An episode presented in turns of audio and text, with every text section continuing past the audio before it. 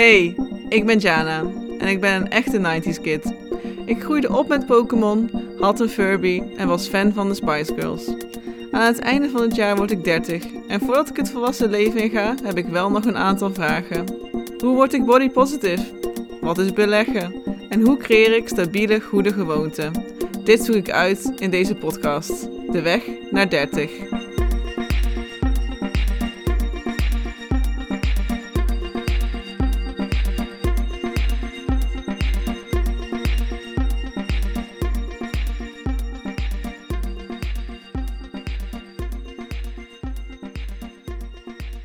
Wat leuk dat je luistert naar De Weg naar 30. De plek waar ik op zoek ga naar antwoorden op vragen die ik heb voor mijn 30ste verjaardag. Misschien dacht je al even, waar is ze nou gebleven? Maar ik had een kleine zomerstop vanwege een druk fotografieseizoen. Maar ik heb weer een paar hele mooie afleveringen voor je op de planning staan, dus geen zorgen. Want de ontwikkeling naar mijn 30ste verjaardag stopt natuurlijk niet zomaar. Ik plaatste onlangs een oproepje voor nieuwe gasten voor mijn podcast en zo kwam ik bij Marit Molenaar terecht. Ze is life coach en ze helpt met het welbekende is dit het nou gevoel?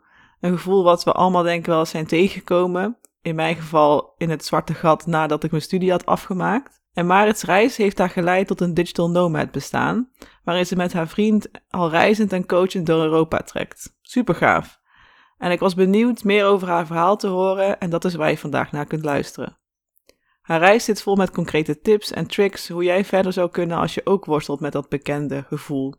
En mocht je het nou een leuke aflevering vinden, deel deze dan met je vrienden. Laat het me vooral weten wat je ervan vond. En vergeet ook zeker niet mijn podcast te volgen via jouw favoriete podcastkanaal en Instagram via de weg naar 30. Voordat ik je veel plezier wens met luisteren, nog een kleine shout-out voor mijn editor Allison, die elke keer weer met veel liefde en aandacht mijn podcast bewerkt. En ze vroeg of ik haar penpeldienst onder de aandacht wilde brengen. Dat doe ik natuurlijk heel graag. Via haar website kan je namelijk in contact komen met iemand dichtbij of ver weg en elkaar regelmatig een leuke brief sturen. Ze heeft mensen uit 15 verschillende landen, zoals Zweden, Indonesië, de Verenigde Staten, aangesloten op haar dienst. En zij zou het superleuk vinden om deze groep nationaliteiten nog verder uit te breiden. Als je je aanmeldt via website betaal je een klein bedrag van 5 dollar, zodat zij je kan koppelen aan een geschikt iemand met gelijkwaardige interesses. Dat maakt het brieven schrijven wel net zo leuk. Ik vind het in ieder geval echt heel gaaf. Ik heb mezelf ook aangemeld, want ik heb het altijd wel eens gewild om op de old-fashioned manier met iemand in contact te komen via geschreven post. Je kunt je aanmelden via mstationary.com en dat is stationary met een E. En ik zal ook de website in de omschrijving plaatsen. Goed, dan gaan we nu verder naar de aflevering met Marit en ik wens je heel veel plezier met luisteren. Nou, hartstikke bedankt Marit dat je er uh, vandaag bent. Wel aan de andere kant van Europa. uh, dit keer, dus het is voor mij ook de eerste keer dat we op deze manier gaan spreken. Maar ik vind het heel leuk dat je graag de gast wilde zijn voor mijn podcast. En even voor de mensen die jou nog niet kennen, zou je kort iets over jezelf kunnen vertellen? Ja, zeker. Ja, allereerst bedankt ook voor je uitnodiging. Superleuk. Um, ja, ik ben dus Marit Molenaar, of althans, dat uh, is mijn naam. En ik werk dus nu sinds twee jaar, anderhalf jaar als online uh, work-life coach. Waarbij ik dus avontuurlijke en ambitieuze vrouwen help om eigenlijk antwoord te krijgen op hun wat wil ik vragen. mensen die elke dag weer ploeteren met die ja, is dit het nou vraag? En dat er meer in hun zit, maar dat ze gewoon niet weten hoe kan ik dat eruit krijgen. Um, en die help ik om gewoon hun volledige potentie te kunnen inzetten en echt te doen wat zij graag willen doen. Voluit uh, te kunnen leven en ook vooral te durven leven. En uh, ja, datgene te gaan doen waar ze echt blij van worden en waar ze echt voldoening uithalen. En afrekenen met dat, uh, is dit het nou gevoel en belemmerende gedachten. Dus dat even in het kort wat ik doe. En op dit moment reizen mijn vriend en ik met onze camper door Europa. En we zijn nu zeven maanden onderweg. En volgende week gaan we wel weer richting huis. Dus het einde is in zicht. Maar de zeven maanden geweest, naar Spanje geweest, Portugal en nu dan in Italië. En uh, ja, dat was ook een van mijn dromen, ongeveer uh, twee jaar geleden, om te kunnen werken en reizen, om dat te kunnen combineren. Dus dat is heel gaaf dat dat gelukt is. Dus dat even als korte intro, denk ik, over mij. ja, gaaf, gaaf. En denk, ik zal even vertellen aan de mensen die luisteren waarom ik uh, daarom ook heb uitgenodigd. Ik, ja. Vind het super stoer dat je sowieso anderen helpt met het vraagstuk wie ben ik en wat wil ik en wat is mijn ambitie en doel in het leven. Vooral als je mhm. zo ik denk dat het heel herkenbaar is dat het voor velen ook in zo'n fase is van als je natuurlijk in de loop van je dertiger jaren, dat je daar vaak mee kan worstelen. Van, mhm. Dat je dingen hebt gedaan omdat je dacht dat het zo hoorde, of dat het hoort omdat het, dat mensen dat van je verwachten. Precies, een bepaalde dat, studie hebt gedaan, precies. Dus ik denk dat, dat dat dat al heel relevant is, dat je nu daarmee mensen helpt. Maar wat ik dus vooral ook zo inspirerend vond, is jouw eigen reis ernaartoe. De dingen die jij daarin hebt meegemaakt. En nu dus uiteindelijk kan zeggen dat je ja, al reizend, maar ook werkend door Europa heen aan het gaan bent. Mhm. En hoe je daar dus uiteindelijk je eigen kracht van hebt weten te maken om anderen daarin te helpen. En voor mhm. mij klinkt zoiets ook natuurlijk super vet. En tegelijkertijd dacht ik ook, wow, maar hoe, hoe doe je dat? En hoe maak je jezelf dan los van bepaalde verwachtingen? En daarom dacht ik, ik ga je gewoon uitnodigen, want daar ben ik gewoon heel erg geïnteresseerd. En ik denk anderen ook. Ja, leuk, leuk. Dus ik ben heel benieuwd, uh, zou je iets kunnen vertellen over die ja, reis? Geen uh, no pun intended, want het, ja, het is natuurlijk ook een letterlijke reis geweest volgens mij. Hoe die reis voor jou is verlopen tot het punt waar je nu bent. Ja, ja, en dan bedoel je echt de start zeg maar, van die reis, van wanneer ging het bij jou een beetje dagen dat je het anders wilde doen? Zo Precies, ja, dus, ja. ja. Want je helpt nu natuurlijk anderen die daarmee zitten. En, en hoe is dat voor jou verlopen? Ja, precies. Ja, dat gaat wel een stukje terug eh, in de tijd. Um, dat was eigenlijk inderdaad wat jij ook zei, dat ik inderdaad... Ik heb wel een studie gedaan die ik echt super leuk vond. Dus ik heb biologie, voeding en gezondheid gedaan. Ook uh, toegepaste psychologie. En eigenlijk alles rondom mens, brein, gedrag vond ik altijd super leuk. Heel interessant, biologie. Maar ik wist nooit, wat wil ik daar dan mee, zeg maar. Dus wat ik leerde vond ik leuk, maar of ik dat dan ook in de praktijk, of hoe ik dat dan in de praktijk tot uiting wilde brengen, geen idee. Dus eigenlijk in mijn studietijd was ik heel erg gefocust op mijn studie. Het ging ook hartstikke goed. En het ging me eigenlijk best wel makkelijk af. Um, maar ik merkte, ik was afgestudeerd, superleuk natuurlijk, maar dat ik echt in een gat viel. Want ik dacht echt, ja, eigenlijk is mijn studie gewoon de afgelopen vier jaar mijn main doel geweest, zeg maar. En daarnaast natuurlijk ga je uit en vrienden, heel leuke dingen. Maar was dat echt mijn, mijn drive, zeg maar. En na die vier jaar had ik even geen doel meer om vooruit te gaan. En ik dacht, ja, wat is nu die volgende stap, zeg maar? Ik had geen idee wat ik wilde doen qua werk. In master, dat is wel heel erg gewoon een logische stap, maar ik wist ook niet echt wat dan. En toen was een andere optie natuurlijk gaan reizen. Een vriendin van mijn zus, die kwam heel enthousiast uit Australië terug. En haar verhalen spraken mij zo aan dat ik dacht, ja, weet je, fuck it, gewoon. Ik ga gewoon op reis. En als ik dan terug ben van mijn reis, dan heb ik vast wel antwoorden gevonden over wie ik ben en wat ik wil. En dan is het, hoop ik, allemaal duidelijker voor me. Dus ik ben elf maanden uiteindelijk op reis geweest naar Australië. En dat was eigenlijk, mijn intentie was van, weet je, ik zie het wel gewoon hoe lang ik ga. Dus het was niet van, ik ga elf maanden. Het kunnen twee maanden zijn, het kunnen vijf maanden zijn, het kan twee jaar zijn. Um, ik wilde mezelf er ook geen druk in opleggen dat ik dan een heel jaar vol moest maken per se. Ik dacht, ik zie het wel gewoon. En uh, uiteindelijk natuurlijk een tijd van mijn leven gehad. Het was hartstikke leuk, daar gewerkt en gereisd. En super leuke mensen ontmoet. En zelfs mijn vriend daar ontmoet. Dus ja, hele mooie dingen. Maar uiteindelijk, na die elf maanden, was het niet, zeg maar, het einde van mijn reis kwam in zicht. Ik wist, oké, ik wil weer naar huis. En ik haalde gewoon geen ja, niet echt meer energie uit het reizen. Ik was eigenlijk gewoon klaar mee. Ik dacht, ja, het is gewoon de, volgende stap moet er aankomen. Ik wil weten of ik wil weer een doel in mijn leven hebben, weer zingeving ervaren en niet de hele tijd van plek naar plek, zeg maar, reizen. Dus echt iets opbouwen. Alleen wat dan, zeg maar? Dat was echt een chaos in mijn hoofd, want die elf maanden waren leuk, maar die hadden me niet heel veel geleerd. Ze hadden me geen antwoord gegeven op die wat wil ik vraag, waar ik dus nog steeds mee uh, rondliep. Maar toch naar huis gegaan, en uh, eenmaal thuis, binnen twee weken of zo, begon ik alweer met solliciteren. En toen eigenlijk bleef die zoekbalk ook maar gewoon weer wit, want ik had geen idee wat ik nou precies moest invullen. En uiteindelijk dacht ik, ja, ik ben wel echt een doorpakker en doorzetter daarin. Dus ik ging maar gewoon op alles solliciteren waarvan ik dacht, nou ja, het lijkt me wel prima, betaalt goed. Misschien kan ik dan wel doorgroeien of weet je, dan, dan heb ik in ieder geval iets en dan zie ik het wel. En zo kwam ik eigenlijk terecht bij een verzekeringskantoor, een baan bij een verzekeringskantoor. Heel anders dan waar ik voor gestudeerd had of waar mijn passie lag.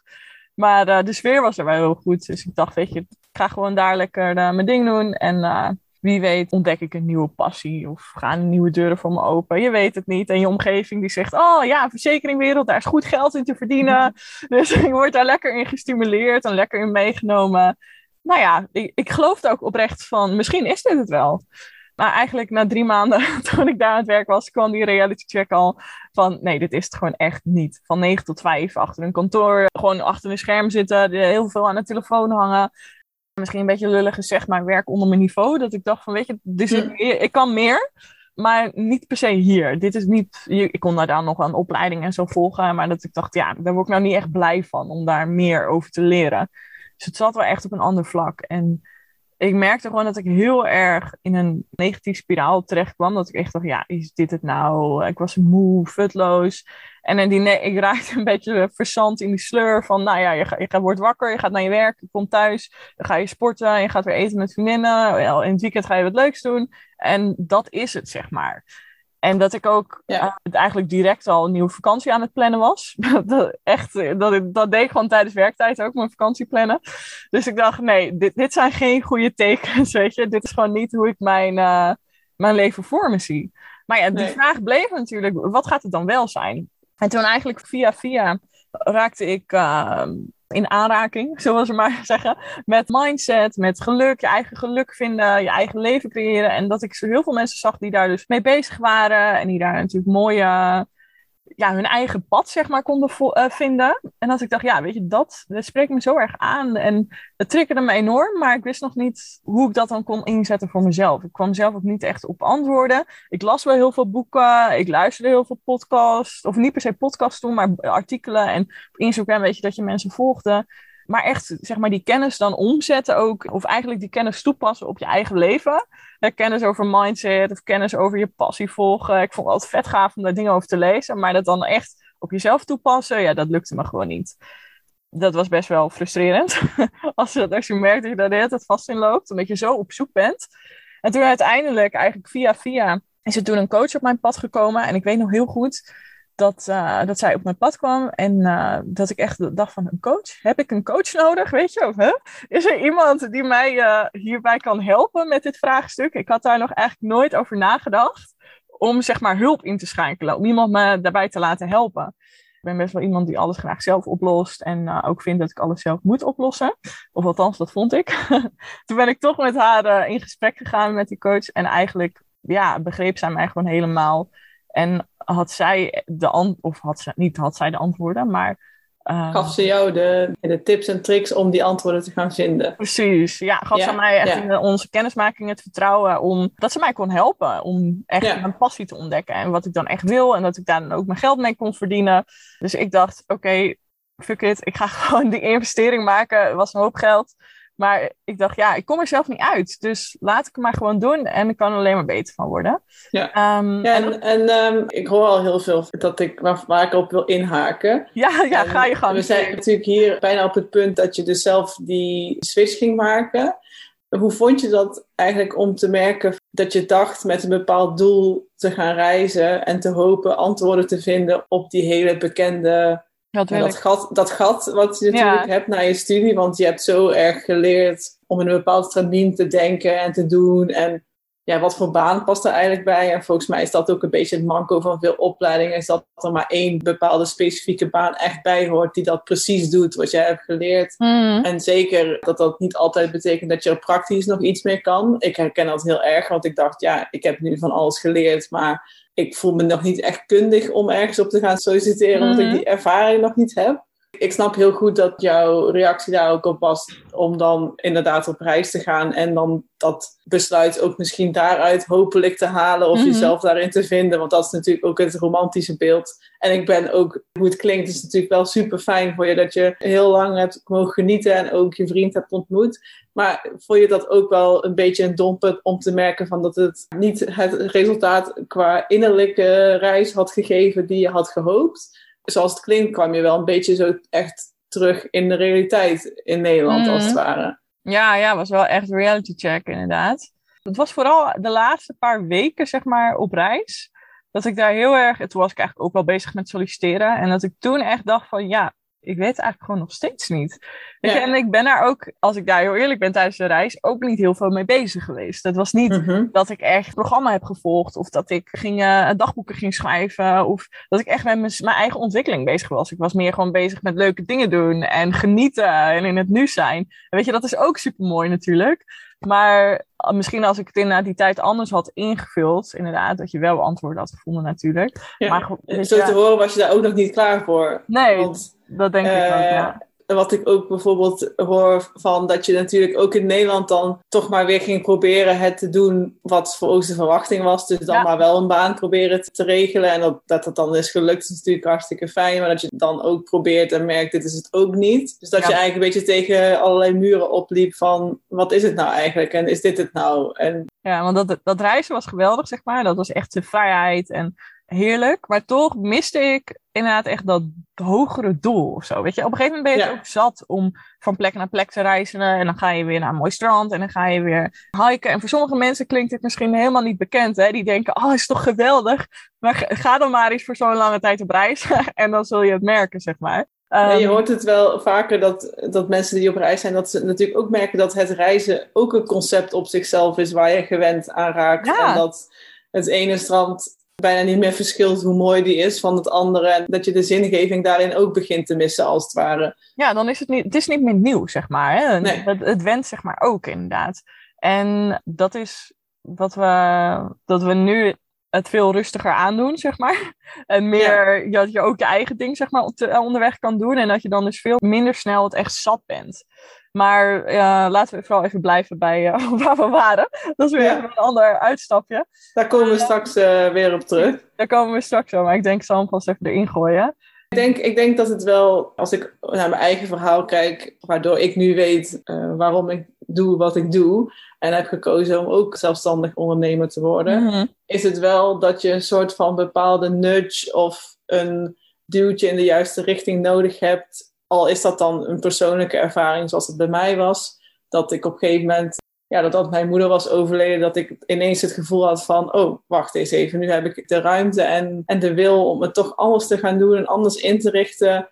Het leven is Eh, kort. Want het, want het leven is al zo kort, inderdaad. En dat je daardoor ineens zo bewust wordt van... er moet meer zijn dan dit. En ik ben meer, tot meer in staat dan wat ik nu doe. Ja. En dat je dan pas eigenlijk, eigenlijk wakker wordt en nadenkt van... oké, maar wat is het dan? En dat je dan ook die, echt die intrinsieke motivatie voelt... en niet meer zo aan het vluchten bent, als het ware... in zo'n ja, wet race van wat er wordt verwacht. Maar dat je echt bij jezelf nagaat van wat wil ik nou eigenlijk doen? En voor mij was dat dan heel duidelijk dat het gewoon ging proberen van ik heb al, ja, ik fotografeer bijvoorbeeld echt al sinds dat ik dat me kan herinneren, bij wijze van. Maar ik had ook door de verwachtingen van de maatschappij een beetje een idee gekregen dat daar geen geld in te verdienen val- viel, Ja, als het ja. Maar op, als je op zo'n moment staat dat je eigenlijk niks meer te verliezen hebt, en dat hoor ik ook een beetje in jouw verhaal, van Mhm. ja, je hebt het allemaal al geprobeerd, je bent op reis geweest, daar, was het niet, daar heb je Ja. het niet gevonden, je hebt gewerkt, daar heb je ook niet gevonden wat je wilde. Dus dat je dan op een gegeven moment denkt, nou, dan ga ik maar gewoon die innerlijke reis maken en gewoon proberen en fouten maken en met vallen en opstaan erachter komen wat het is waar mijn hart en pas- passie ligt. Ja. Ja, zeker. En ik denk wat jij noemde inderdaad, dat stukje die wil, die intrinsieke motivatie om te veranderen, dat is zo belangrijk. Dat je echt inderdaad voelt van oké, dit is het punt. Ik ga het anders doen. Ik kies ervoor om het anders te gaan doen. En ik weet nog niet hoe precies, maar ik kies er inderdaad voor dat ik het anders ga doen. En dat is, voor de ene is dat inderdaad een bepaald live event, zeg maar, wat gebeurt. En de andere kan het echt gewoon een momentopname zijn, wat die knop ineens omgaat. Maar dat is wel een van een belangrijke voorwaarden om zeg maar succesvol eh, te kunnen veranderen. Even succesvol tussen aanhalingstekens. Maar eh, ja, dat is wel die intrinsieke motivatie inderdaad. En Ja. hoe die getriggerd wordt is inderdaad bij iedereen anders. En hoe, eh, hoe, hoe ging dat toen voor jou? Want ik hoorde ook in je verhaal dat je zei van... Ik had ook het gevoel dat, hoezo was dit iets waar ik mee geholpen kon worden? Alsof, Mhm. alsof je dat ook misschien van jezelf verwachtte van... Was dat een bepaalde verwachting die je zelf had gecreëerd? Of dat je denkt dat er ook in de maatschappij heerst van... Ja, we hebben al zoveel opties, dus waarom zouden we dan zeuren over dat we ergens niet gelukkig mee zijn, bij wijze van? Ja. Dus ik moet het allemaal zelf kunnen uitvogelen, bij wijze van. Ja, het is sowieso de, wat jij zegt inderdaad van, ik heb niks te klagen. Hè, dat, Ja. ik, ik heb inderdaad een goede een baan die redelijk betaalt, die vrienden en familie, fijne omgeving. Wat zeur ik nou inderdaad? En dat is inderdaad heel, ik weet niet of dat Nederlands is, maar dat merk ik inderdaad bij iedereen die ik help. Die heeft inderdaad die overtuiging van, ja, maar ik heb het toch goed, weet je. Mensen in Afrika hebben het veel slechter, om maar even te vergelijken. Denk ik altijd, dat heb ik zelf ook heel lang eh, inderdaad gehad, van wat zeur ik nou? Maar als je dat wel voelt, dat er meer in jou zit, weet je, hoezo mag je dat dan niet gaan ontdekken? En het betekent niet dat je situatie nu slecht is, maar wat als het nog beter zou kunnen? Weet je, dat is toch alleen maar mooi om van een best prima leven een geweldig leven te maken. En dat mag ook. Ehm, Misschien een generatieshift, doordat we met ja, dat we dat ook inzien. Van er, er is ook het, er is meer mogelijk dan dit alleen. En dat we daar ook niet voor willen rusten, als het ware, dat we dat hebben gevonden. Wat natuurlijk ook misschien een negatieve werking kan hebben hoor. Dat kan ik ook wel zeggen. Maar ik Mhm. bedoel meer van. Het is niet meer dat je het moet accepteren dat je in een baan zit waar je niet 100% gelukkig van wordt. Want het is wel iets waar je een heel groot deel van je leven mee bezig bent. En Ja. zeker omdat we op zoveel verschillende manieren zingeving kunnen geven. En dat dat ook denk ik heel erg is veranderd ten opzichte van hoe onze ouders daarin stonden. ja, ja, ja. dat dat en- wel dus ook heel veel deuren opent van, oh ja, wat wil ik daar eigenlijk mee inderdaad. Precies. En wat jij zei, het, inderdaad, het kan eh, dat je altijd streeft naar meer, meer en beter. Dat is inderdaad ook niet wat ik van mensen verlang, zeg maar. Ik denk dat het daar juist ook heel erg in een burn-out terecht kan komen of op stuk kan lopen. Als je alleen Ja. maar meer, meer, meer. Gaat er inderdaad eh, echt om die combinatie van het beste uit jezelf halen. Maar ook genieten van het moment, ook genieten van je reis er naartoe. Dus ook inzien eh, in een week welke stappen je bijvoorbeeld al hebt gemaakt. En daar dan ook heel trots op kunnen zijn. Dus inderdaad, niet alleen maar richting die end goal. Want als je daar dan bent, dan denk je gelijk weer: oh ja, en nu dan? Wat is die volgende uitdaging? Terwijl hè, de onderweg, jouw hele journey, daar, dat is ook belangrijk om daarbij stil te staan. En eh, dagelijks dankbaar te zijn voor de kleinere dingen. Dus meer die en-en. En genieten van het nu. En genieten van je leven op dit moment. En daarbij jezelf groeien en ontwikkelen. En dat gaat met ups en downs. Hè, dat hoort er Mhm. ook bij. Ja. En wat waren voor jou dan, toen je dus met die coaching begon, welke pijnpunten ging je daarin aan, als het ware, voor jezelf?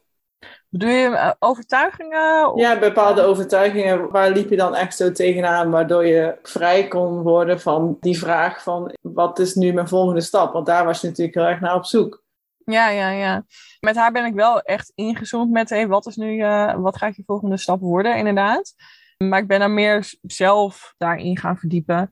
Door inderdaad niet altijd maar te rennen, maar inderdaad echt vandaag je, ja, elke dag je momentjes zeg maar te kunnen pakken. En ik denk vooral de overtuiging van, oh ja, ik moet hard werken om zeg maar succes te kunnen behalen. Of ik moet echt elke dag bijvoorbeeld hè, x aantal uren werken om maar mezelf eh, als ZZP'er eh, te mogen zien. Of mezelf als Mhm. coach te mogen zien. Dat je dat inderdaad kan loslaten. Dat het ook veel meer gaat om wat je doet. Of zeg maar je, je output, wat je neerzet. En niet op hoeveel uren je per se aan het werk bent. Ehm, en het is een, ja, een heel proces waar je uiteindelijk ingaat natuurlijk. Dat je eigenlijk die wat wil ik vraag ook wat meer overboord moet gooien in je proces. Om meer achter te komen van hé, wat vind ik nou eigenlijk leuk? Wat vind ik belangrijk in het leven? Waar sta ik voor? Kijk, dat zijn veel mensen logische dingen om te bedenken dat je dat inzicht moet gaan krijgen. Maar daarbij is een meer abstracter iets, is je eigen mindset, je eigen overtuigingen, hoe jij zeg maar in het leven staat. Dat is ook zo belangrijk. Kunnen beantwoorden van jou, wat wil ik vraag, zeg maar. En vooral in het realiseren ervan. Want stel dat jij bij alles, elke uitdaging blijft zeggen, ja, maar dat kan ik toch niet. Of daar zijn anderen veel beter in. Of dat gaat mij toch nooit lukken. Dan kom Ja. je ook nooit tot de antwoorden die eigenlijk wel in jou zitten. En dan blijven die lagen van angst, onzekerheid, twijfel, die blijven dan constant bestaan en jou domineren. En heel veel mensen zijn er niet bewust van dat ze die overtuigingen hebben. Voor mij was het al echt een eye-opener om te denken van, oh, huh? Ja, ik ben inderdaad eigenlijk helemaal niet zo zeker als dat ik dacht. Want ik ben, iedereen die mij eh, kende of kent, die ziet mij echt wel als iemand die weet wat ze wil en een stoer persoon. En ik weet niet of je zou zeggen een zelfverzekerd persoon, maar zo kom ik wel Nou ja. over op Ja, ik denk dat als ik iemand in mijn omgeving zou hebben die gewoon elf maanden op reis zou gaan, zou ik ook denken, die is hartstikke zelfverzekerd en weet Ja. weet, ja, want daar moet je best wel ballen voor hebben, vind ik dan. Ja, Ehm, dat is natuurlijk ook weer mijn idee daarover. je Dus dat- inderdaad. ja, precies. Dus Precies. Denk aan de ene kant dus, ik had het gevoel heel erg dat ik dus niet per se onzeker was. Maar toen ik dus met die coach aan de slag ging, merkte ik wel heel erg dat ik mezelf echt wel vaak naar beneden praatte. Dat ik gewoon inderdaad heel vaak met dingen zei. Ja, maar dat is niet voor mij weggelegd. Of dat is moeilijk. Of dat is lastig. Of dat kan ik niet. Of anderen kunnen dat veel beter. En dat is ook een vorm, zeg maar, van onzekerheid. Ja, en... Ja, dus dat had het ook te maken met het idee dat je heel erg resultaatgericht of iets moest kunnen bewijzen of een bepaalde ervaring nodig had om ergens aan te kunnen beginnen. Want dat zijn natuurlijk ook van ja, ik was klaar met mijn opleiding en ik vond het hartstikke leuk wat ik heb gedaan, maar ja. je had natuurlijk geen idee van wat kan ik daar nou eigenlijk mee. Dus dat is misschien ook een soort overtuiging van, oh dus ik moet bepaald iets op tafel kunnen laten zien voordat ik mhm. ergens aan kan beginnen. Dus ja, ik snap wel dat zeker meeweegt in hoe je over jezelf denkt. Maar dat, dat het niet misschien overkomt als onzekerheid. Maar mm dat zijn wel dingen die je tegen jezelf zegt. Die je kunnen tegenhouden om gewoon te gaan proberen, als het ware. Ja, ja, ja om die stap uit je comfortzone te zetten, inderdaad. En net als met coaching dacht ik ook, ja, moet ik dan niet eerst een coachopleiding hebben?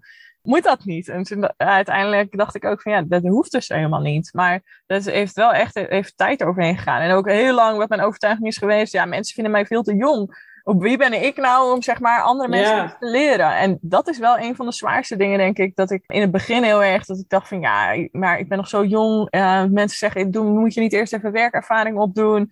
En uh, weet je, dan kom je er vanzelf wel. En dat, ja, dat, dat, was denk ik wel wat het zwaarste woog. Dat ik echt dacht, ja, maar hebben andere mensen uit mijn omgeving dit dan ook? Of ben ik vreemde eend in de bijt, zeg maar, met dit probleem op deze leeftijd? Ja, zeker. Ook omdat je dan juist wel stappen ondernam om het anders te doen. En daar dan ook weer oordeel voelde van anderen van, hé, hey, is dat wel slim? Het is natuurlijk een risico wat je daarin dan neemt had ik zelf ook wel in mijn weg om uiteindelijk te gaan ondernemen ook wel gemerkt dat voor veel mensen is het een heel eng begrip van eh, weet je dat wel zeker. ja, je bouwt geen pensioen op hè? Oh. Precies, ja, en je hebt dan geen vast contract meer en ja, heb je dan wel genoeg geld en dat zijn allemaal best wel, wat jij ook zei, outputgerichte dingen mhm, ja. die natuurlijk meewegen in denk ik wel ja, een bepaald levensgeluk. Het is natuurlijk wel fijn om een bepaald inkomen te hebben. Maar waarin ik ook wel heb gemerkt, is dat als je op een gegeven moment wel weet waar je naartoe wil, dat dat ook niet meer zoveel van belang wordt, die output. Want het gaat dan veel meer over wat je in je hart voelt van, voelt het goed voor mij wat ik nu aan het doen ben? En ja, misschien is dat wel de consequentie dat ik dan niet de status kan verwerven die, die van me wordt verwacht. Maar is dat dan ook belangrijk? Nee, eigenlijk niet meer. Nee, precies. Dat je daarvan kan losmaken, inderdaad. En echt dat je, als jij echt iets doet vanuit je hart, dan weet ik zeker dat je daar zeg maar ook geld mee kan verdienen op een manier. Omdat je daar vaak zo gepassioneerd over bent, zo bereid bent om alles daarin te stoppen, zeg maar, en daar helemaal voor te gaan. Dan kan het ook niet anders, zeg maar, dan een succes worden. Linksom of mhm. rechtsom, of het nou één jaar duurt of vijf jaar, zeg maar. Uiteindelijk kom je er dan wel. En weet je, het mooie met ondernemen is dat je niet een plafond hebt, zeg maar, qua geld of qua inkomen. Het kan telkens weer groeien. Jij bent in principe degene die, daar, ja, die daarvoor zorgt. Die daar controle over heeft. Precies. Ja, zeker. En als jij groeit, dan groeit dat inkomen vaak met je mee. En kijk, de eerste jaar als ondernemersjaar verdien je inderdaad vaak nog niet veel. Het tweede jaar misschien ook nog niet. Maar dat bouwt zich wel op. En dat is inderdaad even de zure appel, eh, zeg maar, even waar je doorheen moet bijten. Maar als je een, een, drive hebt en een wil hebt en inderdaad iets doet vanuit je hart, dan, dan is dat het ook gewoon waard. In ieder geval voor mij, als ik voor mezelf spreek wel. Mhm. En met wat voor, voor oordelen kreeg jij dan nog te maken in jouw proces dat je uiteindelijk ja, jouw eigen ervaring, denk ik, met het coachen gaf jou denk ik het idee van, oh, ik wil hier ook graag anderen mee helpen. Want die mhm. stap hebben we even overgeslagen. Maar zou je even kunnen vertellen hoe dat dan voor jou ging? En waar je daar toen ook misschien tegenaan liep? Van, oké, ik heb nu de hulp gehad. Ik ben daarmee aan de slag gegaan. En toen had je voor jezelf, eh, denk ik, een goed beeld gekregen wat je graag wilde doen. Of hoe ging dat eigenlijk precies? Ja, ja, de eerste drie maanden met, me, met die coach was ik heel erg gericht op eh, de, wat is je idee, zeg maar. Waar ligt nou echt jouw hart, wat wil je? En toen daarna ben ik nog een samenwerking met haar aangegaan om daar dan ook echt je website omheen te bouwen en echt klanten, zeg maar, te kunnen werven. Dus dat je niet alleen maar leert, wat wil ik, maar dat je ook maar, leert om daar echt geld mee te verdienen. Maar even terug, zeg maar, toen ik dus dat idee had van, hey, ik wil er anderen mee helpen. Dat is onder andere gekomen doordat ik met mijn vriendinnen daarover ging praten. En het duurde voor mij best wel even een tijdje voordat ik erover kon praten, over het proces waar ik in zat. Ik vond het altijd best wel heftig wat er allemaal in loskwam in die sessies. En het was zo anders, radicaal anders, zeg maar, dan wat ik op dat moment deed. Er waren best wel grote veranderingen of zo die allemaal uh, in me opkwamen. Dus ik had er altijd wel even verwerkingstijd voor nodig. Heel lang heb ik ook gedacht van ja, oh, andere mensen zullen dat vast gek vinden als ik een coach heb dan die gedachte, zeg maar, zat ook een tijd in mijn hoofd. En uiteindelijk ben ik er toch met mensen over gaan praten. Uh, vooral met vriendinnen. En eigenlijk kwam daar toen superveel herkenning. Dat zij ook zeiden van, ja, weet je, ik zit ook met die vragen van, ja, is dit het nu? Ik weet niet goed wat ik wil. En inderdaad de hele dag achter zo'n scherm zitten. Ja, ik zit ook niet lekker in mijn vel. En dat ik toen echt dacht van, oh, huh, ik ben dus niet de enige die uh, hier op jonge leeftijd al mee struggelt. Ik was toen 22, mm ben nu 24 dat gaf me eigenlijk een soort van hoop. Dat ik dacht van, oh hé, hey, maar ik weet inmiddels welke stappen je kan zetten om inderdaad bij jezelf naar binnen te keren. Om te ontdekken wie je bent, waar je voor staat, je mindset te versterken.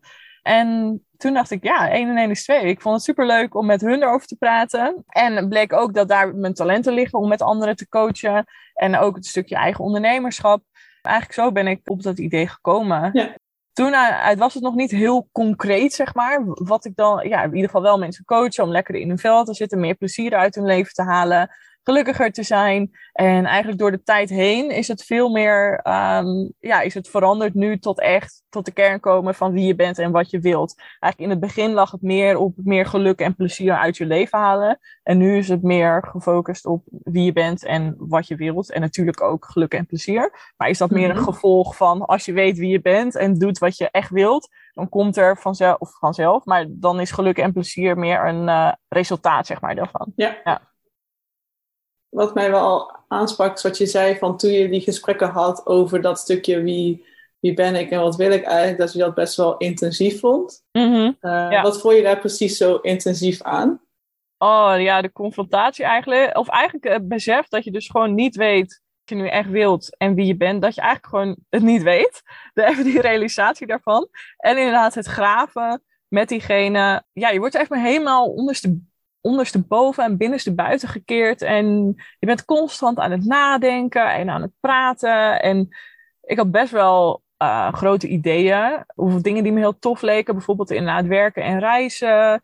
Um, en ook een stukje nog met, uh, het zit nog steeds wel in mijn hoofd. Ik heb echt een, eh, een zwak voor onrecht en uh, ja, het, het, gewoon de hele discriminatiepunt en kinderen in Afrika. Dan denk ik nog steeds van, oh, daar moet ik gewoon ook ooit iets voor doen. Mm -hmm. maar dat kwam toen ook heel erg naar boven. En dat ik dacht, ja, oh, dat zijn zulke grote stappen. Ik weet niet of ik daar zeg maar al klaar voor ben. En ook de realisatie dat mijn leven, zeg maar, destijds totaal niet in lijn was met waar ik voor stond en wat ik belangrijk oh, vind. Ja.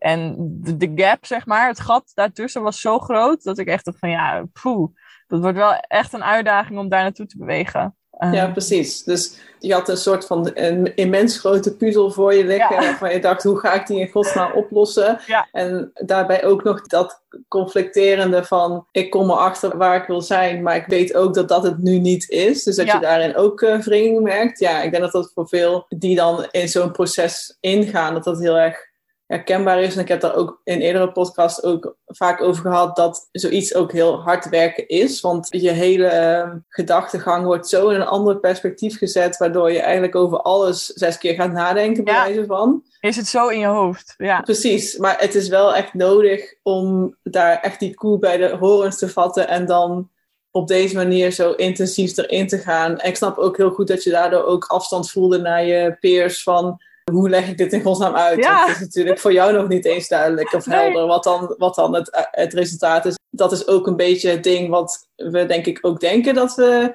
dan zo nodig met een resultaat bij anderen daarmee moeten komen. Van nou ja, ik, ik weet het helemaal en nu, nu, nu ben ik weer Ja. beschikbaar bij wijze van. Terwijl ik vind het dan heel mooi om te merken dat je zodra je daar dus wel meer over ging delen, dat je dus eigenlijk daarmee ook vond van oh ja, wacht, ik ben eigenlijk niet de enige. En eigenlijk zit hier gewoon het pijnpunt waar ik mijn talenten kan laten zien, als het ware. Ja, Ja, ja, ja, ja, zeker. En inderdaad echt erover praten. Oh, dat was echt zo'n opluchting. En ik had op een gegeven moment wel dat, inderdaad, dat ik met, mensen gedeeld had dat ik ermee bezig was. Maar inderdaad dat ik er nog niet echt iets over kon delen. Dat ik nog niet de oplossing had. En dat mensen inderdaad wel aan mij vroegen. Oh, maar hoe gaat het? Weet je al meer? Echt vanuit, vanuit enthousiasme natuurlijk. Maar dat ik echt dacht, oh nee, ik weet nog niks. Eh, dat ik echt even een beetje blokkeerde, maar dat ik wel echt voor mezelf kon zeggen: ja, ik vind het gewoon niet zo chill om er nu dingen over te delen, omdat ik zelf nog niet heel veel concreet weet. Dus ik deel er wel iets over als ik er zeg maar klaar voor ben. Ik wilde het wel echt eerst voor mezelf duidelijk hebben, voordat ik echt met andere mensen ja, dat ging delen, zeg maar. Ja,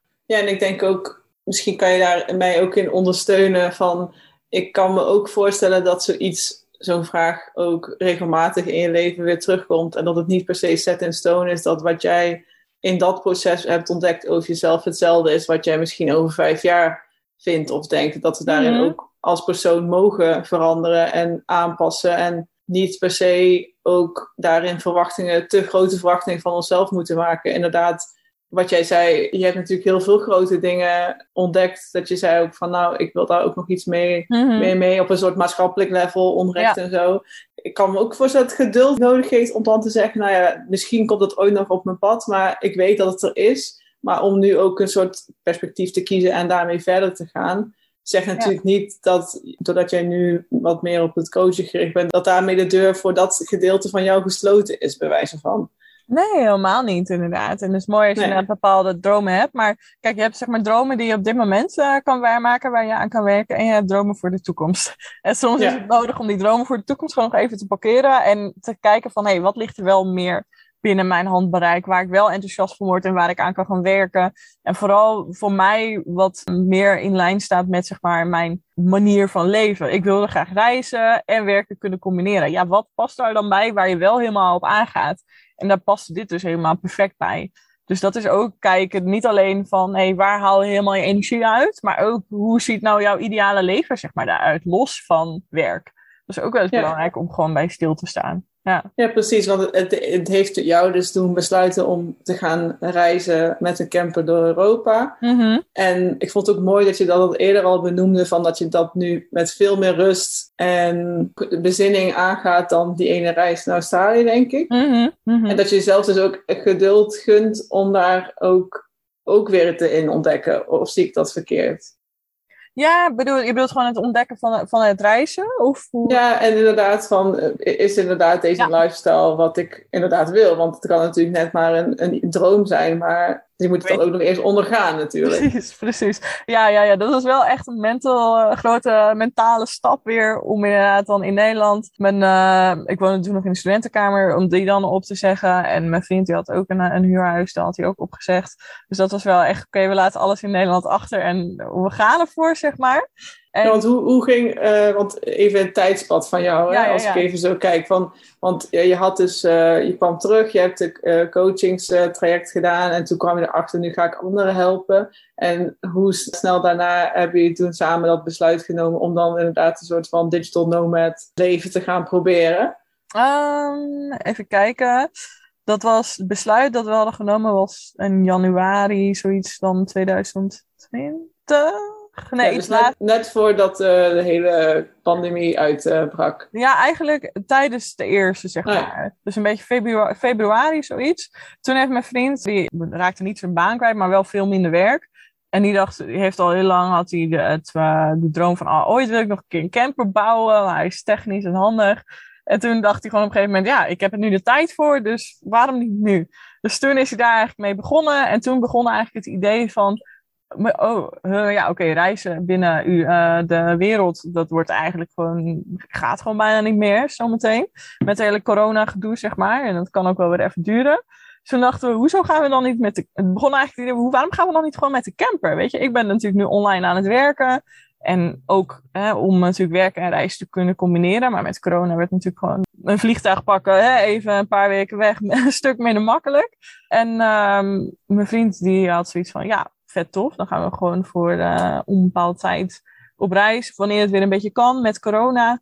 En dat heeft wel ongeveer een jaar geduurd voordat we die stap hebben gezet. Ook zodat ik wel eh, de tijd had ook om een bedrijf te kunnen opbouwen. En om echt dingen te kunnen doen die ik wilde doen. Want het kost echt wel energie natuurlijk om, eh, om echt een bedrijf op te zetten. En dat je er ook natuurlijk geld uit haalt. En ik had mijn baan toen opgezegd in augustus, volgens mij, 2020. En toen zijn we janu, april 2021 zijn we vertrokken. Ja. En kwam je daar toen ook weer je overtuigingen tegen van vroeger van ben ik hier wel goed genoeg voor en gaat het wel lukken? En eh, Ja, ja, ja. ik- ik- kwam, kwam je daarin dat weer tegen? Of had je nu wel, voelde je toch wel wat meer zekerder daarin? Wel zeker, zeker. Ja, wel echt dat ik dacht, ja, maar dit, dit is wat je wil. Je hebt hier gewoon de afgelopen anderhalf jaar zo hard voor gewerkt om je eigen business op te zetten. En dat ik eerst wel dacht van, ja, hoe kan, gaat het dan met internet onderweg en zo? Maar toen dacht ik, ja, weet je, zoveel mensen doen dit. Dan moet ons dat ook lukken. En helemaal binnen Europa. Dus weet je, die stemmen, het was er nog wel. Maar het nam niet meer de overhand. Het blokkeerde me niet meer. Het zette me zeg maar niet meer in die freeze-modus. Uh, of dat je echt helemaal in zo'n negatieve spiraal uh, komt. Ik was toen al wel dusdanig gegroeid dat ik echt meer dat vertrouwen in mezelf voelde om die stappen zeg maar te zetten. En neem niet weg dat het nog steeds spannend was. En dat ik het nog steeds spannend vond. Maar wel meer dat ik dacht, ja, weet je, het loopt wel los en het komt wel goed. En als het niet goed komt, dan kunnen we altijd weer terug. Hè? Die optie is er ook altijd. Ja, ja dus, dus je gaf jezelf ook wat meer flexibiliteit in die overtuigingen van... Ja, je had er eigenlijk best wel goede argumenten voor om het tegen te, spreken eigenlijk. Ja, die, die kleine stemmetje wat, wat eerst zo uh, beperkend kon zijn... had je eigenlijk nu een beetje in de smiezen gekregen van ja, je kunt altijd inderdaad nog terug. Wat is het ergste wat er kan gebeuren, is een beetje altijd dan de vraag. Hè? Ja. Ja, ja, echt vanuit dat op zich gaan denken. En meer focussen op wat het je wel kan brengen. Op wat het je wel kan opleveren. En niet op wat er allemaal mis kan gaan. Hè? Dus echt ervoor kiezen om die focus te verleggen. En dat ik ook heel sterk voelde van ja, het is gewoon tijd om bepaalde deuren dicht te doen. En voor mij was het toen vooral ook die woning opzeggen. En gewoon lekker tijd voor de volgende stap. En dan is dat gewoon voor een bepaalde tijd in de camper. Dan zien we het wel hoe lang. En daarna is het gewoon tijd om samen iets te zoeken. En door dan echt uh, in Australië, zeg maar, had ik zeg maar mijn kamer onderverhuurd. Toen was ik nog niet zo stoer om te zeggen, oké, volgende stap. En nu dacht ik echt van, nee, ik ga niet onderverhuren. Ik doe gewoon die deur dicht. En ik vertrouw er wel op dat we zo meteen op een andere mooie plek komen. Dus dat um, ja, was spannend, maar wel heel blij dat ik dat toen gedaan heb. Ja, ik, ik vind het super knap en ook natuurlijk heel dapper dat je het in een periode doet die al vrij onzeker is. Door dat meer gewoon de omstandigheden eromheen. En ook heel mooi om daarin ook te voelen dat jullie daar naar elkaar ook uh, enorme vertrouwen hebben. Natuurlijk dat dat ook een, denk ik, een onderliggend motivator is om zoiets dan samen aan te gaan. Dat, dat scheelt denk ik ook enorm. In dit proces heb je daar nog nieuwe dingen geleerd. Nu je dus echt reizend en werkend door de wereld aan het trekken bent. Wat voor dingen heb je daar nog over jezelf geleerd? Mm, die je ook weer kan meenemen naar je, hoe je anderen helpt. Ja, ja, ja. Vooral het stukje, voor mij in ieder geval, je werk loslaten. Dat dat heel belangrijk is. En uh, ik, ben, ik doe mijn werk heel graag. en ik help graag mensen. En vooral dat even die knop omzetten. Dat je dus niet altijd bereikbaar hoeft te zijn. Je dagen gewoon echt vrij nemen. Je rust nemen.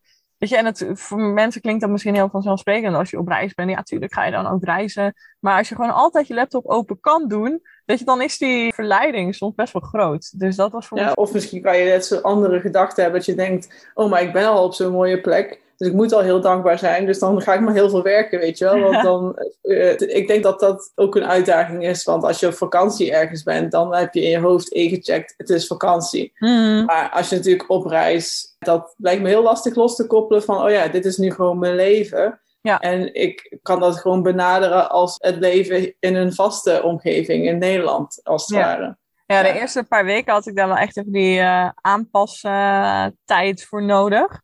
Ehm, moet zeggen, ik denk drie weken of zo. En dan toen vond ik wel even mijn draai van oké, werken, leuke dingen doen. En toen toch ook de eerste drie maanden hebben we echt best wel veel kilometers gemaakt. En ook dat we door de week tripjes maakten. Qua dat we steden gingen bezoeken. Of ja, echte dagen dat we gingen fietsen of wandelen. En de tweede helft van de reis hebben we toch wel echt even wat meer de remmer op gegooid. En eh, vooral door de week gewoon eh, eh, werken. En dan wel dat je een dorpje of zo bezoekt of even gaat wandelen. Maar niet echt meer de grotere dingen. En soms trouwens wel een dag. En dat is niet helemaal in beton gegoten. Maar dat we meer in het weekend gewoon lekker erop uitgingen meer.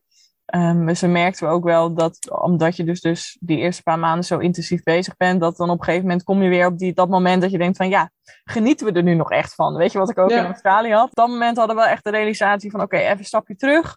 Eh, wat rustiger aandoen, zodat het inderdaad meer een, een lifestyle wordt in plaats van een checklist, zeg maar, hè, die je aan het afwerken bent. Dat was wel een, eh, een mooi realisatiepunt om dat zo Ja. te ervaren. En dan ook echt die rust erin te kunnen nemen, vooral. Ik hoor in hoe je vertelt dat je heel veel en heel vaak ook bij jezelf incheckt van hoe voelt het nou nog? Ben ik er eigenlijk nog wel tevreden mee? Ja.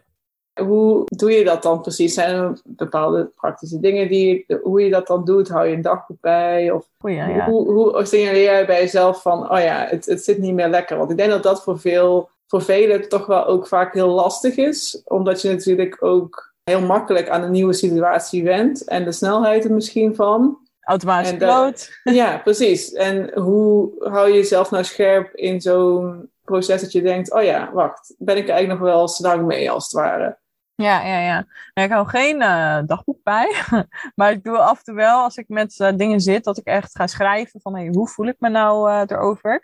Maar ik denk bij mij in het hele ontwikkelingsproces, zeg maar, afgelopen jaren, dat dat bewustzijn heel erg gegroeid is om gewoon echt elke dag dat ik er wel bij, stil bij sta van hey, hoe was deze dag nou eigenlijk? En hoe is mijn energie aan het einde van de dag? En dat is niet dat ik echt daar een minuut voor neem of zo en dan denk van nou, nu ga ik even deze vraag aan mezelf stellen. Maar dat is bij mij zo ingecalculeerd dat dat eigenlijk nu mijn automatische piloot is, dat ik daar heel erg bij stilsta van, oh, deze dag, nou, ik heb wel echt even geen energie meer of zo. En dan ga ik bij stilstaan van, nee, wat heb ik nou eigenlijk gedaan?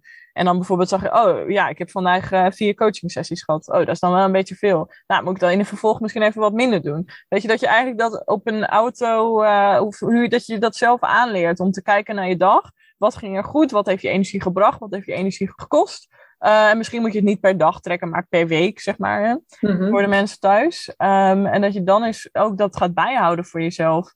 En ik snap als je daar nog niet zo in het proces zit, dat het handig is om dat wat bewuster te doen. Dat je eens een energiedagboek bijhoudt van, hé, hey, wat heb ik gedaan? Wat heeft mij energie opgeleverd? Wat heeft mij energie gekost? En kan ik daar dan in een week of twee weken of misschien in een maand, kan ik daar dan een rode draad in zien? En waar mag ik zeg maar vaker nee tegen zeggen? En waar mag ik vaker ja tegen zeggen? Ik denk dat dat op die manier uh, te bekijken. En dat het bij mij zo nu automatisch proces is geworden. Maar ik snap voor de luisteraars dat dat misschien nog helemaal niet het geval is. En dan is denk ik zo'n energiedagboekje een mooie opstap om daar uh, ja, meer bij stil te staan voor jezelf echt keuzes maken, dat is ook belangrijk. Als je echt voelt van nee, hey, ik wil dit niet meer. Je hoeft er ook niet eens een reden voor te hebben. Hè? Het kan gewoon dat jij ergens helemaal op leeg loopt, dat je dat gevoel hebt. En dan, dan is dat jouw gevoel. En dat hoef je dan niet per se te kunnen uitleggen of te kunnen verantwoorden. Dan mag je daar nee tegen zeggen. Ja, ja. Ja zeker. Soms zoeken we ook wel, wel juist naar redenen. Mhm. En vinden het lastig om dan bij ons gevoel te komen. Terwijl zo'n objectieve kijk van energie kan ook gewoon een goede reden zijn. Dat je denkt, nou ja, weet je, ooit gaf het me energie en nu niet meer. Ik weet ook niet zo goed waarom, maar dat is al reden genoeg om er iets aan te gaan veranderen. Ja, dus ja. Het, ik vind het wel mooi wat je, hoe je het omschrijft als een soort van subjectieve benadering van... Het is grappig, want ik heb zelf bijvoorbeeld een uh, smartwatch en daar heb je de functie van de body battery. Mhm. En sinds ik dat dus heb, ben ik wel echt een stuk bewuster van even kijkend naar wat lichamelijk mij ook best wel veel energie kost. Want je hebt Mhm. natuurlijk mentale energie, maar ja, die, dat horloge meet mijn eh, lichamelijke energie op basis van mijn hartslag en Oké. wat voor stress ik ervaar. En waar ik dus bijvoorbeeld ook achter kwam, is dat als ik een dag heb waar ik in het OV moet reizen, dus ik ga Ja. naar Amsterdam of zo, en ehm, nou, dan zou je denken, dat kost je niet zoveel energie, want je bent Mm. toch gewoon in de trein aan het zitten en dan kan je iets anders doen, dus dat is een vrij rustig proces. Maar ik merkte dat, omdat je dan toch heel veel bezig bent, oh, ik moet op tijd komen, ik moet het goede spoor hebben, ik, eh, ik ben, Ja. je bent bezig met, oh, wat gebeurt hierna, ik ben daar dan, oh, dan moet ik die bus daar naartoe hebben, dus er is best wel veel energie dat, dat het je kost. Dat gaf mij wel weer bewustzijn dat ik dacht, oh ja, wacht. Eigenlijk is dat helemaal niet zo chill als dat ik mezelf had voorgesteld. Van, oh ja, en dan praat ik het mezelf soms goed. Van, weet je, nou, met de trein gaat wel. Mm. Maar dan is het van, wat doe je dan precies in die trein? Ja, en wat dacht je van alle, heel even hoor, en wat dacht je van alle energieën van anderen, hè? Want je bent niet alleen. Ja, precies. Nee, dat, precies. dat neem je ook allemaal in je op. Precies, en, en ik heb nu ook sinds kort ook een noise cancelling headphone. En toen was Oh ja. dus laatst voor het eerst met het in de trein met eh, die headphones op. En toen dacht ik, wow, deze af. En ik denk, jeetje, wat een geluid komt er eigenlijk allemaal op je af. En dat zijn allemaal onbewuste dingen die je allemaal toch registreert. En dat er wel dus allerlei tools zijn waardoor je wel wat scherper kan zijn van, oh, wat gebeurt er eigenlijk met mij? Waardoor je, dus, ja, waardoor je dus eigenlijk gewoon onbewust aan het leeglopen bent zonder dat je het door hebt, als het ware. En dat, ik vind het fijn dat er zulke tools bestaan. Mhm. En dat je daar dus op kan handelen. Want het heeft dus mij wel bewuster gemaakt dat ik dacht, oh ja, het is wel slim om zo'n noise cancelling headphone te kopen. Ik dacht eerst van, nou weet je, ben ik nou zo sensitief? Dat kan ik toch wel eh, handelen, zeg maar. Mhm. Maar nu ik hem heb, denk ik echt, ja, het geeft me veel meer focus en gewoon net dat wat ik dan op dat moment nodig heb. Je bent scherper geworden in je bewustzijn. En ik denk dat dat inderdaad een proces is waar iedereen op zijn eigen manier ingaat. Uh, Ja. Wat dat bewustzijn dan betekent. Maar dat het dus ook dat er gelukkig heel veel verschillende manieren zijn om daar bewuster van te worden, dankzij praktische tools of inderdaad een dagboekje bijhouden, of inderdaad het praten van met een ander. En echt goed bij jezelf proberen, want ik blijf het natuurlijk ook een lastig proces vinden om echt te voelen van wat, wat gebeurt er in mezelf en in mijn lijf. Mm Dat je zo snel ook in de waan van de dag kan uh, belanden. Ook al doe je wat je graag wil, hè, dat kan nog steeds. Ja, ja. Ik om, heb om, steeds, ja, om steeds te blijven checken van oké, ben ik hier nog tevreden mee? Want ook de dingen waar je ooit voor hebt gekozen vanuit uh, goed hart, kunnen natuurlijk je nu ook soms heel veel energie kosten. Ja, ja, inderdaad. Stoppen met de dingen die je niet meer wil. Dat was ook een van die dingen onderweg uh, dat ik thuis gaf. In Nederland gaf ik regelmatig een live masterclass.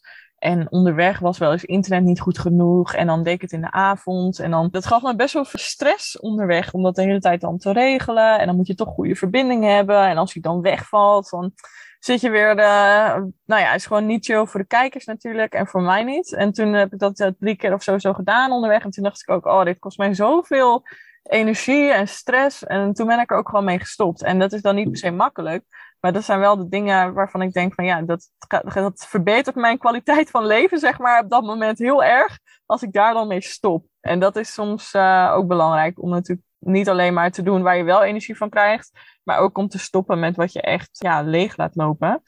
Ja, zeker ook als je een. Ja, het hoeft natuurlijk niet alleen maar als je onderneemt, maar ook als je in een bepaalde taak van je werk bent ja. geraakt, omdat je dat altijd deed. Dat betekent natuurlijk niet dat je dat voor de rest van je leven behoort te doen. En dat het ook soms mag zijn dat je zegt, nou, naar je leidinggevende gaat van, ik ben hier eigenlijk niet meer zo blij mee. Dat is gewoon altijd een heel moeilijk besluit, want dan moet je ook afscheid nemen van iets. En iets wat, wat je waarschijnlijk ook ooit wel heel erg leuk had gevonden, mhm. of wat je wel ooit energie gaf, maar dat wil niet zeggen dat het dus slecht was of zo. En dat, ja, dat merk ik zelf met het ondernemen ook. net dat elke ondernemer dat wel eens heeft. Dat je denkt, goh, ik ben hier begonnen om meer vrijheid mee te krijgen. En nu heb ik eigenlijk uh, dat beperkt als het ware. Mhm. Omdat je dan weer te, te graag dingen doet of te veel hebt aangenomen. En dan is het echt inderdaad die reminder van terug naar die basis van wat wil ik nou eigenlijk en wat zijn mijn waarden daarin. En om daar scherp en bewust van te worden. En want dat is nu ook wat je zelf ook zei hè, over het coachen. Van nu help ik ook mensen met die basisvraag.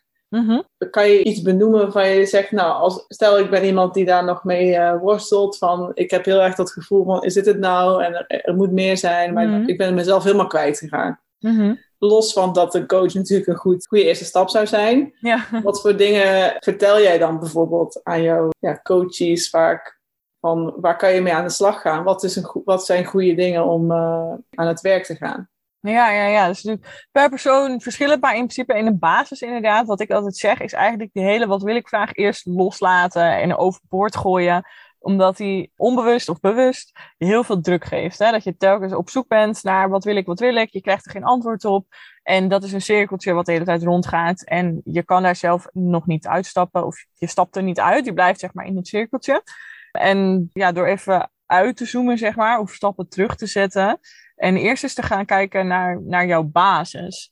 Uh, hoe is op dit moment je energie? Hoe is je mindset? Door daar eerst aan te gaan werken. En met energie bedoel ik echt letterlijk slapen, eten, bewegen, ontspanning, zeg maar vier pijlers. En dat je ook eens kijkt van, hey, hoe is het nou eigenlijk daarmee, met die basiselementen?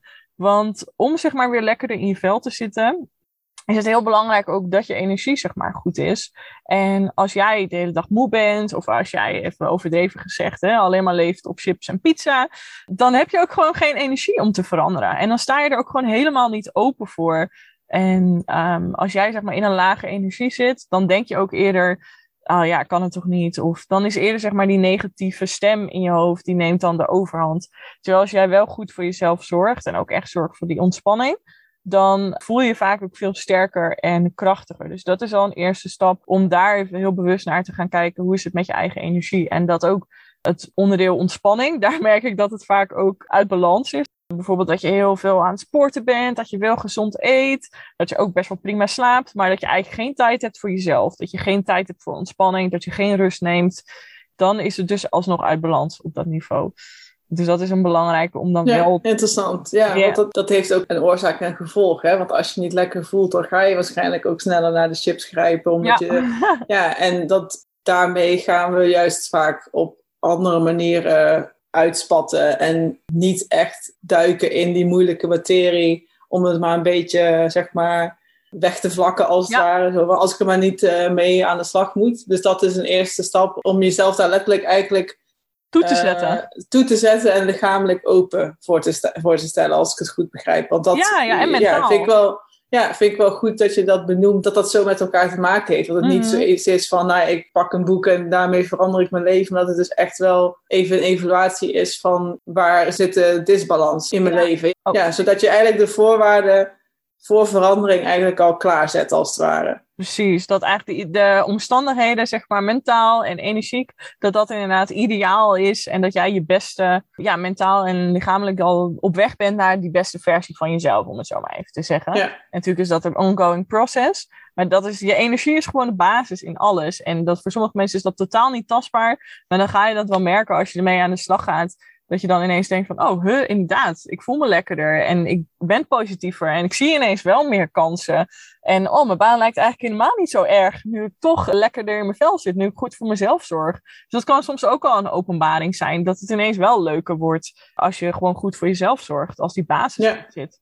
En En nou, daar ga je dus vaak kijken van... Oké, dus nu we die voorwaarden en die basis goed hebben... Wat komt dan dan naar boven wat je denkt... Oh ja, dit is dus echt iets waar ik eh, mee aan de slag kan.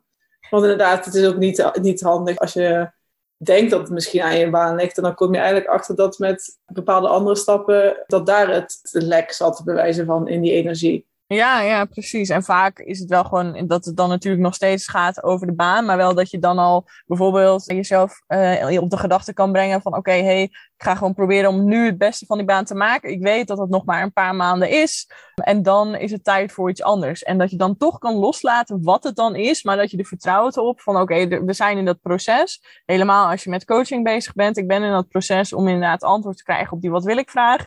En ik vertrouw erop dat dat antwoord komt. Ik weet het nu nog niet. Ja. Ik hoef het ook nog niet te weten.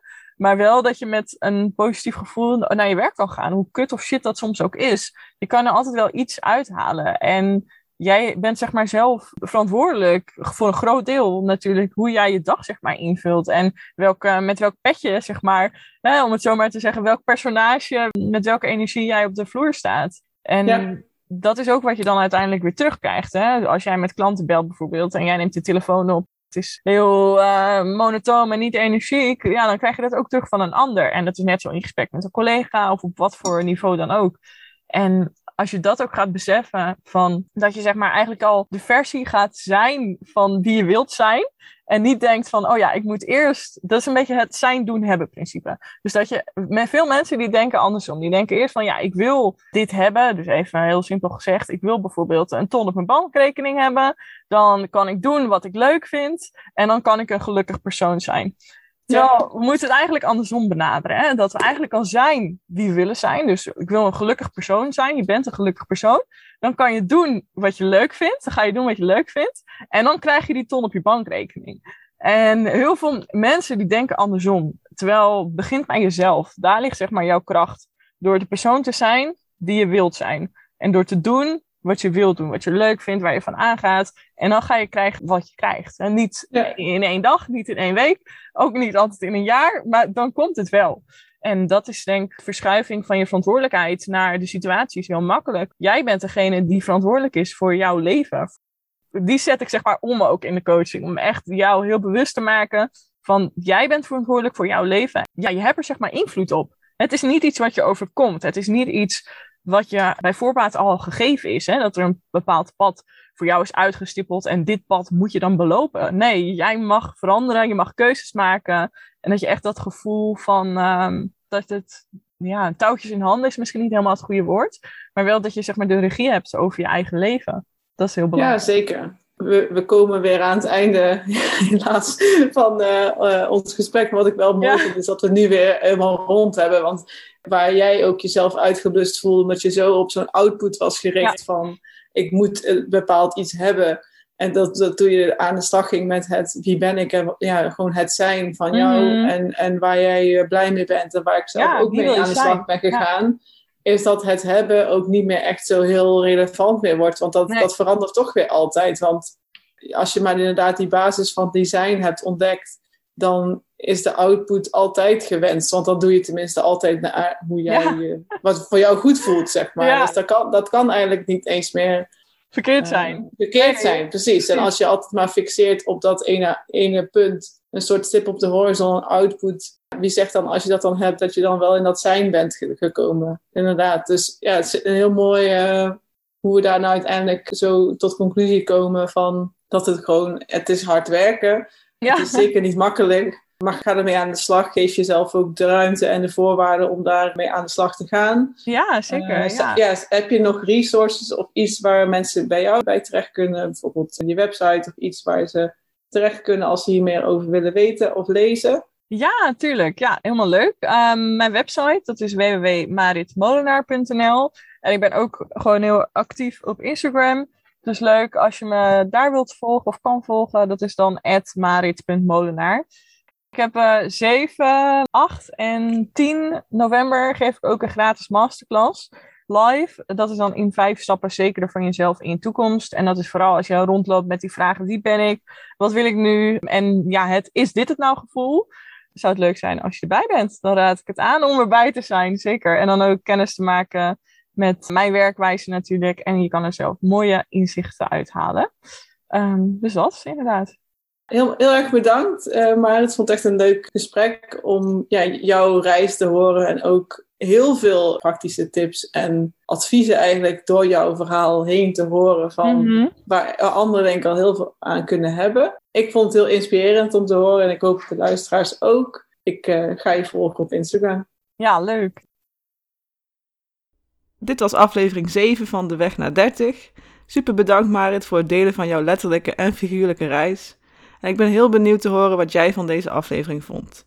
Laat het me weten via Instagram, deweg naar 30, of stuur een mailtje naar deweg naar 30@gmail.com. Vergeet ook zeker niet de podcast te volgen via jouw favoriete podcastkanaal of Instagram. De credits voor de muziek in deze podcast gaan naar Patrick McLeverty. Heel erg bedankt voor het luisteren en tot de volgende keer.